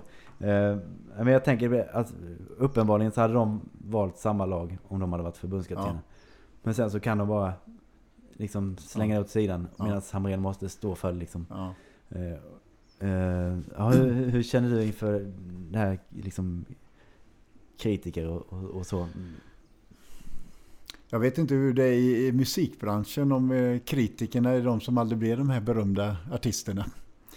Eh, och det kan vara så i fotbollen också, att eh, kritikerna är de som aldrig blir någonting. Ja, Det kan vara så, men det behöver inte vara så. Men eh, jag, jag, jag kan bli trött på det. Men jag, jag kan bli trött på när man... Eh, jag hörde Erik Nirva här eh, när han kommenterade när Ronaldo gör 1-0 tror jag. Han springer in i en yta och nickar in den i bortre gaven. mm. Och då säger han så här att ja, det är väldigt svårt att försvara sig mot den, den försvara den ytan. Mm. Och då, då så sitter miljoner människor och hör detta och tror Ja. ja. det är jättesvårt. Nej men det är inte alls svårt. Nej. Jag som har varit med, jag vet precis hur man gör för att stänga den ytan. Ja, Utan man ofta uttalar sig utifrån den, eh, den kunskap du har. Och den behöver ju inte vara sanningen. Det är det som jag blir så trött på när, när de uttalar sig, de här experterna. ja, Utan eh, när det gäller det här att försvara sig mot en yta, det, det, det är på grund av att eh, filosofin har blivit fel idag när man eh, markerar på hörnor och frisparkar. Du springer man-man. mm. Och då finns det en filosofi som säger att eh, ta bort spelaren så blir inte bollen farlig. Och så finns det en, en filosofi som säger ta bort bollen så är inte spelaren farlig. Mm. Och Erik Nirva utgår från den ena. Och det, det Ronaldo gjorde det var att han spr- sprang ifrån sin bevakare. Ja, Men om man har ett försvarsspel som bygger på, på den andra principen då, då får de aldrig den ytan. nej. Den ytan blir aldrig för, för, för det står den och ansvarar för den ytan. Så så enkelt är det och Ja. därför blir jag så trött på, på eh, experter ibland eh, som inte har varit med på hög nivå och Mm. uttalar sig utifrån den ringa kunskap de har. Ja. ja, och det är därför jag tycker det är så härligt med när det, när det skapades en kanal för fotbollsspelare på bloggar och så vidare. Ja. Eh, att Henrik Rydström kan... Eh, mm, han kan... Han har den kanalen att liksom beskriva hur det verkligen var på... Ja. Eh, och, och det, har- jag tror det... Mm, det är jättehäftigt. Och också att man får en helt annan in, insikt i hur, hur det är att liksom vara med på Ja. den nivån på riktigt. Liksom. Det var, det var någon eh, VM här tror jag, så Svennis var expertkommentator. Mm. Och då, då säger då sportjournalisten någonting eh, som händer på plan. Och då säger Svennis så här, nej så är det inte. Utan Mm. det, det som hände nu det berodde på att han är långsam och då tog han det beslutet på grund av att han försökte Ja. rädda situationen. Ja. Så att han sa emot den här som då uttalade sig utifrån det vad han trodde var rätt. Ja.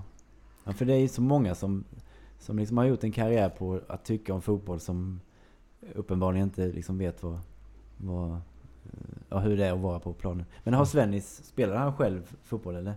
Nej, han spelade, han var brödback i Karlskoga. Okej. Ja, så att eh, han, han var inte speciellt bra som fotbollsspelare. Men eh, man behöver inte vara bra fotbollsspelare för att bli, bli bra tränare. Nej. Som tur är. Han är i Kina nu eller? Han tränade det hus- laget som Hussein eh, Ja, ja, ja. var i då. Men eh, det, det var väl då med att de fick olika utlänningar, eh, mängd utlänningar i varje lag. Så att eh, Ja, okej. han fick för begränsad speltid, Mhm. tror jag. Ja. ja, vad tycker du förresten om den nya förbundskaptenen? Ja, det kan bli jättebra. Jag, eh, det behöver inte vara en bra tränare. När man blir förbundskapten så eh, det, det kan underlätta om man är bra tränare men eftersom eh, förbundskaptenen kan inte då påverka spelarnas utveckling speciellt mycket. Nej, nej. Utan du, du, du kan ju mer försöka ta ut efter en, de här passar ihop. Det är ju mera så du ska, Ja. ska vara en taktiker mera. Vad hade du sagt om jag hade frågat dig? Nej, men jag är inte aktuell eftersom jag har passerat bäst före, före datum. Så att det, är inte aktuellt. Men, men om du hade fått frågan? Eh, jag, jag vet inte om... Eh, om det varit för tio år sedan så hade jag nog sagt ja. Men så, så tänk efter så här, är det, är det värt det där? Det, det ska ju vara den finaste posten i, Mm. i Sverige. Men eh, jag, jag vet ju att ofta är det så här att, eh, jag ska inte säga att hälften av journalistkåren har du med där från början. Och hälften har du som sitter och väntar med kniven. Mm. Det, det är alltid så att det, det, det blir en, en på varje tidning är det good en, en det bad. Så att, och jag vet inte om jag vill eh, utsätta mig för det att det ska bli sådana skriverier när det går dåligt. Om man förlorar med 3-0 mot Österrike och Mm. man är inte vattenvärd. Och ens barn blir, som jag hörde Ja. med Hamrén, blir- lite förnedrade. Och sånt. okej. så det, det är en tuff situation. som har, Så var det inte på Åby Erikssons tid om jag får säga så. Nej, nej. Då var, det en, då var du respekterad och fick lite kritik men inte den mediastorm som är idag. Nej. Men det, var intressant att se vad som hände med inför eh, playoffet mot Danmark. Eh, för där, där kändes det som att spelarna och hela laget liksom hade en yttre fiende som Ja. media. Och sen så samlade de energin Ja. från det. Och eh, ja, det var ju bara en slump att det blev så. Men eh, kanske de inte hade gått vidare om de inte hade haft det. Nej. Nej, jag, det, jag, jag tolkar precis samma som du. Ja. Att det Ja. var precis som att de gick ihop. Nu måste vi göra det här killar. Ja, Så att, eh, det var väl Hammarby eh, 2001 också tror jag när de vann SM. ja, Det var en yttre fiende och det var styrelsen. ja okej. De gillade inte Kratz då. Nej, nej. Nej de det. tyckte att han spelade fel fotboll. Mm. Men eh, spelarna och Kratz enade sig mot styrelsen. Ja. Eh, Nanne Bergström tycker jag är intressant. Eh, har du haft kontakt med honom eller? Eh, nej, ytterst sällan. Jag har bara pratat med honom lite grann sådär. Ah, okej. Eh, inte några längre samtal så, men det är en god, god människa. Han, är, han eh, kan man inte få stressad. Nej, och han är alltid missnöjd. I alla fall när de vinner. Ja, Och så är han ibland nöjd när de förlorar. ja just det. Men det var ju häftigt det som Kalmar FF tycker jag. Att de lyckades vinna. 2008 var det va? Ja, det var väl efter många år där. De låg där hela tiden i toppen där Ja. och blev trea, fyra, femma, sexa hela tiden. Och så Mm. fick de ett sånt där gott år. Ja. Nej, det, det, det undrar jag. Nanne som har varit så många år som tränare. Ja, precis. Ja, och de hade lite tur med bröderna Elm. Att de kom allihopa samtidigt. Ja. Sen hade de många. Eh, och sen Erik Rydström. Jag vet inte hur många allsvenska matcher han har. Men han har ju mer än Anders Svensson i alla fall. Ja. Ja, det gäller ju som tränare att komma i rätt läge. Du, du, du, har, eh, du kan påverka tränare, spelarna eh, en viss del. Sen så kan du få dem i fel läge. Du har några, en tre, fyra bärande spelare som är på väg. Det Zenit har redan passerat. Mm. Och då, då spelar det ingen roll vilken tränare du är. Du kanske har fått laget i fel tidpunkt. Ja. Och det, det, vet man inte alltid där just när spelare har passerat då. Tre, fyra som är bärande har bäst före-datum har passerat. Mm. Men för du sa ju det i Olof Lund-podden att du vill att liksom... Eh, ja, det undrar jag lite över. För, för du sa att man ska inte vara säker på sin plats i laget. Eller var det i landslaget du tänkte på? Eller var det i vilket lag som helst? Att det är bra liksom att känna att... Ja, konkurrenssituationen är bra för vissa. Ja. Den var inte bra för mig. Nej, nej. Men jag kanske skulle behövt den i vissa läget när man blir för självskriven. Ja, ja. Men vi, man är nog olika som spelare. Jag har alltid varit den här ärligheten att man, man, ska prestera, man ska vara stolt över det man gör. Jag kommer ihåg sista mm. året, 86, när många tyckte att jag slutade för tidigt. Mm, jag undrar mm. vad som bäst då, tyckte många. Eh, men då tränade jag väldigt mycket själv. Mm. Jag hade två, en löprunda i veckan och en styrkepass i veckan själv. Ja. Utöver de fem pass vi gjorde med IFK. Men ja. det, det, var för att jag ville gå ut och visa publiken och göra bra ifrån mig. Att de skulle kunna komma till Ullevi och få valuta för sina pengar. Ja. Så, så tänkte jag. För man ser ju på bilderna. Alltså det var, det var första gången jag såg de bilderna på Youtube nu när du var i Eindhoven. Och du sa att du trivdes ganska bra på bänken. Ja. Eh, var det så eller var det att... Um... Ja, jag var så vilsen. Ja. Så jag, jag vet nog inte vad jag sa. Nej, nej. Jag, jag tjänar ju ganska hyggligt där. Ja, det var inga jättepengar alltså. Man kanske tjänade 30-40 000 kronor i månaden. Ja, ja. Vilket var svindlande summor då. Ja. Hur mycket kan det ha varit? I mot? Idag? Det kanske varit 100, 150, 200 000 i månaden. Ja, okay. mm. eh, där såg man ju en, en person som var otroligt skör. Ja. Kändes det som. Eh. Men det, det, var min första motgång i fotbollskarriären. Mm. Det hade väl liksom bara gått uppåt hela tiden. Och jag, jag var så naiv så jag trodde så, så här kommer det att göra. Mm. Jag hade ju varit två år innan och, och testspelat med PSV. De ville ju köpa mig precis innan jag gick till IFK från okay. Jonsered. Och då var jag där nere och testspelade en match där vi vann med 10-0. Kommer mm. ihåg mot deras eh, juniorlag eller amatörlag som det heter. Ja. Och jag gjorde fem mål där. Och då, de ville ju köpa mig direkt. Ja, ja. Jag trodde det var bara att åka ner och göra en jävla massa mål där också. Trodde jag, men eh, så, så enkelt var det ju inte. Nej, nej. Sen var det mycket intriger i laget också som gjorde att det, det kanske inte blev så där att jag blev en konkurrent när jag kom. Har, har du eh, kontakt med någon av, någon av spelarna från proffslivet? Eh, ja, en av spelarna i Kaiserslautern har jag faktiskt. Han är talangscout för Kaiserslautern. Var, var det Brigel? Nej, nej han, eh, han träffar jag lite då och då, jag har gjort. Men inte nu sista tio åren jag träffat. En som heter Werner Melser. Okay. Han spelar mittback i, i han var, han var han var väldigt lovande. De trodde att han skulle bli nye Beckenbauer i Tyskland. Ja, okay. Men uh, han kom aldrig riktigt dit. Han är bra Bundesliga-spelare. Ja. Eh, jag var och kollade på Kalmar FFs träning för några veckor sedan.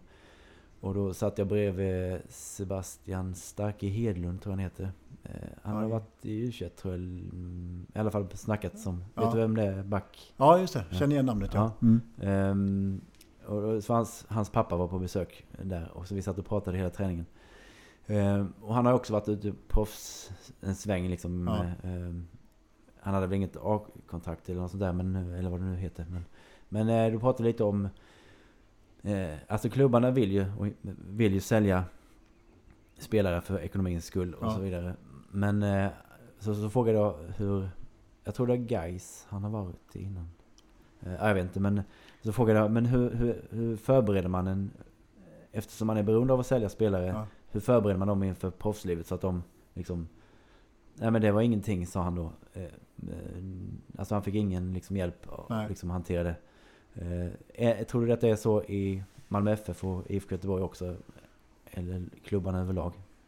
Att man blir förberedd för proffslivet? Ja. ja det är om du har en agent som är, är någorlunda förutseende. Som inte bara sitter pengarna, tjänar pengar. Ja. Du förbereder dem på vad, vad som kan förväntas där ute. Sen, sen, tycker jag att eh, svenska klubbar har ju blivit professionella nu. Mm. Vilket gör att det är lite halvprofessionell ja, ja, ja. inställning där också. Det är mycket mer eh, hierarkier där. Och, mm. som, som det inte var kanske för 30 år sedan eller 20 år sedan. Nej. Och så är det utomlands också. Det, det är mycket hierarkier. Du ska inrätta dig i systemet. Vem har högst rang? Vem ska ha bollen? Och, och så vidare.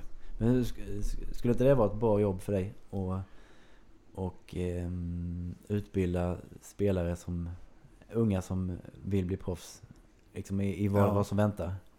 Jag har några spelare som jag har träffat och så här, förlåt, men det, det Ja. är mera eh, 17, 18, 19-åringar Mm. som vill upp i Sverige-elit då. Ja, ja, okej. De har träffat några stycken och, Ja. och pratat lite om eh, både mentalt och även eh, träningsmässigt. Ja.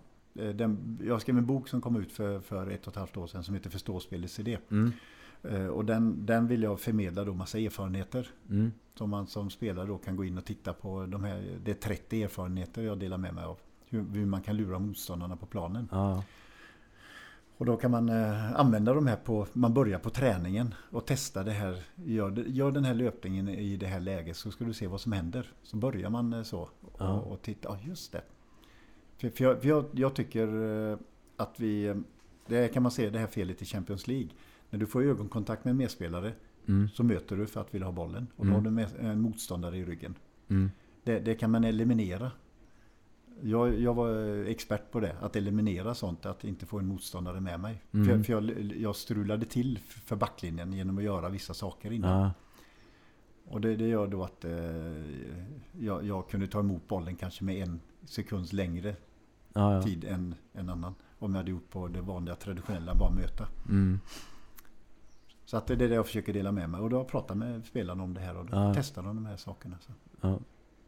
Men jag tänkte mer på, eller kanske det är det du skriver också om, men eh, eh, för- det saknade jag när jag var med i sådana här zonläge och sånt där. Ja, Ehm, helt plötsligt skulle vi sova i, eh, i en eh, sal allihopa. Ja. Eh, och jag hade med mig en luftmadrass och, eh, eh, och eh, ja, kunde inte sova ordentligt och folk kastade bollar på kvällarna och så här. Och Henrik Rydström var med på, på samma läge som Ja. jag. Och han hade en jättetjock madrass med sig. Eh, så han sov skönt liksom. Och sen hade han avslappningsband. Jaha, ja. ja. Och, eh, och liksom bara att Få ha- reda på det ja. Ja, och liksom att någon förbereder. Nu, det här kommer vara jättetufft mentalt liksom. Det var inte heller för, Jag trodde bara att det var roligt att spela fotboll. Eller att det skulle bli det. Men, men att, att någon bara hade sagt det. Det här kommer bli jättetufft. Men om du gör så här, så här så underlättar du. Ehm, och, och liksom sådana saker liksom. Men, men kanske ungdomar idag har koll på vad det innebär att bli proffs. Nej, jag tror inte det. Jag tror inte Nej. det. Det, det här eh, hier, hierarkiska systemet, det är, ju, Mm, det är ju så viktigt att känna till då. Och hur man ska hantera det. ja, Sen, sen kan man inte göra som Zlatan då. Han tar ju platsen direkt ja, som nummer ett. Men det, det är ju för att han har den statusen som han har. ja, Men ska du börja slåss i det här systemet så får du, då får du veta vara lite taktisk för att kunna inte få fel spelare mot dig. ja, Det, det finns ju inget rätt eller fel hur man ska bete sig. Är, är du, har du bra spelförståelse även vid sidan om, du är lite smidig som person, mm, så kan du nog, eh, så kan du nog rädda dig i det där. Sen, Ja. sen är det ju alltid det mest avgörande vilken kvalitet du har ja. som fotbollsspelare. Det är det som är det viktigaste. Eh, För Zlatan sa ju i någon presskonferens ny, nyligen att eh, eh, det mentala är 50% av fotbollen idag. Ja, Eh, Håller du med om att det ja det är en stor del är det. Ja, ja. Alltså om du, du är rätt mentalt. En del tror ju att eh, ja, men det är 100% fotbollen. Mm. Om det är för att det mentala är med. Den dagen det, det mentala inte är med. Du är orolig och då märker du hur jävla långt du kan sjunka Ja. i din, din kvalitet. ja. Eh, Jag såg, ehm, det var något klipp på Youtube också när du blev intervjuad. Jag tror det hade varit med landslaget i Spanien eller något Ja. sånt där. Så var det Olle, Olle Nordin som, som intervjuade dig. På, jag vet inte om det var skoj eller något. Du har inte sett det? Eller, Nej. Du, du kanske kommer ihåg Nej, att det har hänt eller? nej. Olle, inte Olle Nordin? Eh, Att du Jo men vänta lite, det var, det var bara en skämt-DVD Ja, ja, ja. ja. Ja. Skämtgrej. Det var jag, min Super 8-film. ja just det, Ja. de sa att det var din personliga. Ja, just det. Men, eh, men då så, så, så, f- säger han Ja hur var matchen? Ja men eh, såg du inte det? Eller något så, Det såg väl bra ut sa du liksom. Ja. Och, och, liksom och sen så sa du till honom nu, nu är kaffet färdigt så nu, nu ska jag gå och dricka kaffe. Jaha. Och, och sen så klippet efter så såg man den här bilden av från Eindhoven. För det måste varit efter då. Uh, Eindhoven-klippet var nog 77. eh, nej, det var före Eindhoven. Ah, okej. Ja, Ja okej. Det var före. Tidsmässigt var det. Men på den var nog. Ja, Okej, för jag tyckte man såg ju sån, sån skillnad liksom på Ja. tryggheten i dig och, Ja. och jämfört med... Men, men då var det... Då är det ändå en logisk utveckling. Ja. Det, den, den var inför VM 78 det läget. Ja, ja, ja. Ja. Träningsläge för... eh, Nu var jag reserv där så ja. jag, jag, kände ju aldrig mig som en... Eh, så att det var lite mer skämt det där. Ja, okay. så att, Men eh, du fick ingen speltid där eller? Sista matchen Spanien. Okej. Okay. Hela, hela matchen eller? Hela matchen ja. Mm. Hur gick det då? Det gick katastrof. Vi förlorade ju med 2-0. Vi, ah, okay. ja, Åbe Eriksson bytte ut 3-4 spelare. För vi var tvungna att slå Spanien. Ah. Han hade förlitat sig på de spelarna han haft 74 som har gett han framgång och så upptäckte han att det inte räckte. Mm. Och då tog han de som hade gått bra på träning. Jag hade varit väldigt bra på träningarna. Mm. En del tyckte att jag borde spelat. Eh, men jag hade ingen press på mig. Utan jag, det, och sen då plötsligt blev det oj, nu ska jag spela VM. Ja, ja. Och mot Spanien också som var bland de bästa. Ja. Så att, eh, det var väl inget bra. Vilka storspelare hade Spanien då? Eh, Spanien var ju alltid, hade, det var på den tiden de hade alltid många bra spelare men de hade aldrig några världsspelare. Spanien. Ah, okay. De kom alltid, man trodde att Spanien ska gå långt men de kom alltid bara till kvartsfinal eller semifinal. Så jag kommer inte ihåg en enda spelare faktiskt. Okay.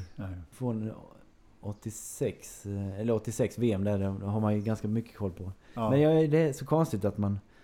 Att vad som sätter sig. Ja, men som jag sa innan att liksom, eh, du har haft en påverkan på min identitet. Liksom, och att vi aldrig träffats. Eh, och liksom minnen från ja, VM 86. Att det sitter så... Att, alltså det känns som att man inte utnyttjat kapaciteten. Att man inte utnyttjar det bättre hur, hur, hur ungdomar är liksom, i de åldrarna. Nej. Man borde...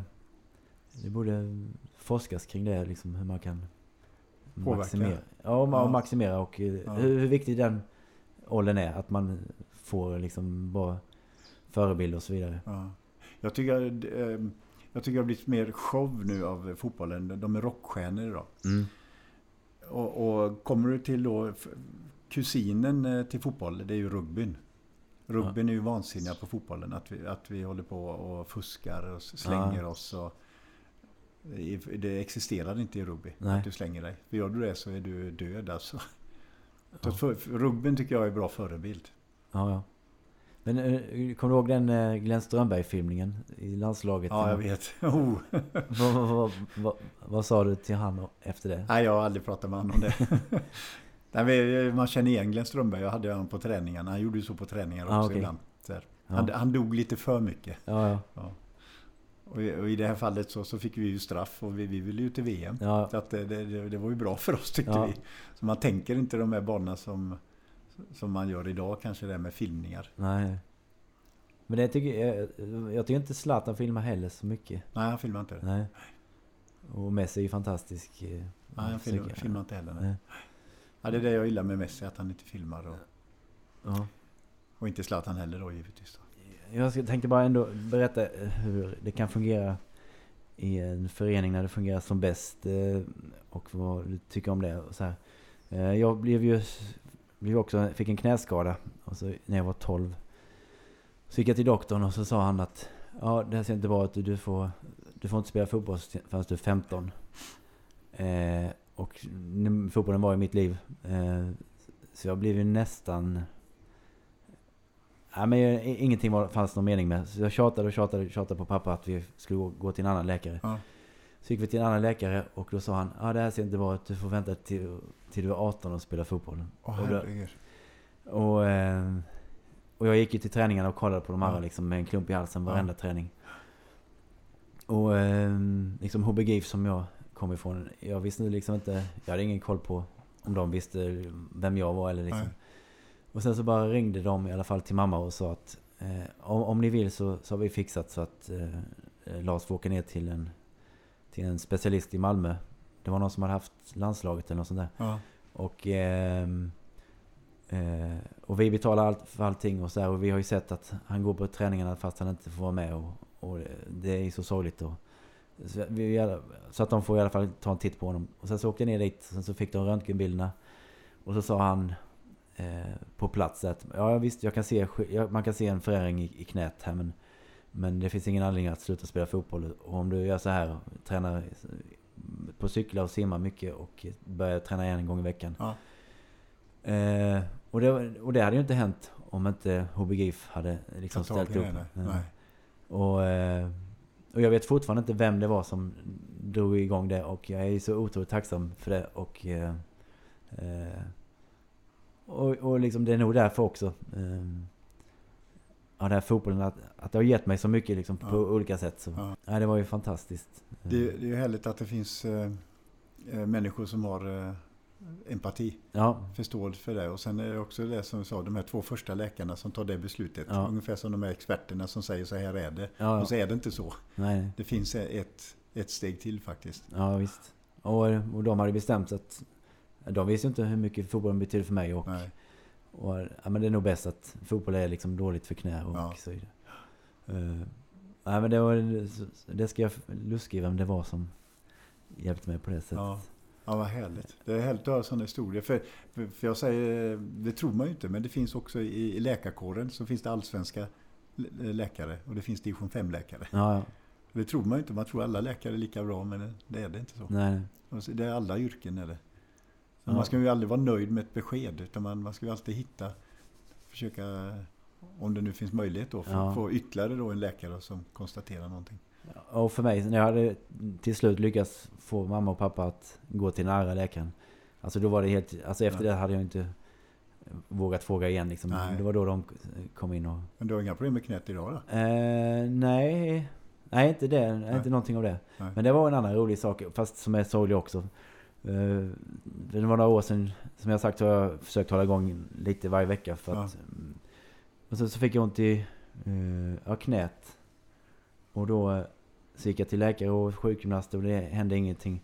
Så till slut så ringde jag till eh, herr Gryström och frågade. Ja. Vet du någon knäexpert jag kan betala liksom? Ja. För, för nu har jag inte rört mig på ett år. Och jag känner att jag börjar gå upp i vikt och ja. få ont i ryggen och så här. Ja men jag ska kolla med sjukgymnasten. Kalmar FFs sjukgymnast. Ja. Och då skulle han och en, en som heter Pentti som är knäexpert eh, hålla en kurs på en fredag. Och så sa de att ja, men efter den kursen så kan du komma. Ja. Och då fick jag komma dit, körde dit. Och sen så eh, tejpade han mitt knä på något, eh, helt sjukt. Och sen så sa han, när du kommer hem så ska du springa minst en timme eller något sånt där. Ja. Och jag hade inte rört mig. Nej. Eh, och det gjorde jag då och eh, han berättade hur jag skulle tejpa det här knät. Och allting löste sig. Nej. Och jag bara tänker på min mamma och, och pappa som haft liksom problem med, med ryggar och allt möjligt. Ja. Att, eh, hade de fått rätt hjälp ja. liksom, så hade hela livet kunnat se och det är sorgligt att jag ska behöva ha den kontakten med Erik Rydström. Ja. Mm. mm, jag vet. Ja. Det, det, är mm. hemskt i sjukvården. Ja. Men eh, det, det är som jag sa, det finns eh, allsvenska och det finns division 4. Ja. ja, just att det finns experter på allt möjligt också. Det är så skönt. Ja. Ja, jag skulle kunna fortsätta hela dagen här, men ja. vi får väl avsluta. ja, det, var, det blir ett lång podd där va? Ja, men jag du kommer, kommer att klippa ner den sen? Ja, eller? precis. Ja, och nu, eh, ja, då får vi avsluta här. Och jag ska bara säga också att eh, jag eh, lovade att hälsa från pappa. Som kommer att lyssna på detta. Ja! Han heter Jan-Erik, så om du vill säga hej till Jan-Erik. Så hej Jan-Erik! Och jag, jag tänkte ge två böcker till eh, din son här. Som kan vara rolig läsning för dem eventuellt. Så. Underbart! Och jag har lite grejer till Torbjörn också. Eh, tack så hemskt mycket för att ni har lyssnat och tack så hemskt mycket till Torbjörn Nilsson. Tack, tack. Hej då. Hej då.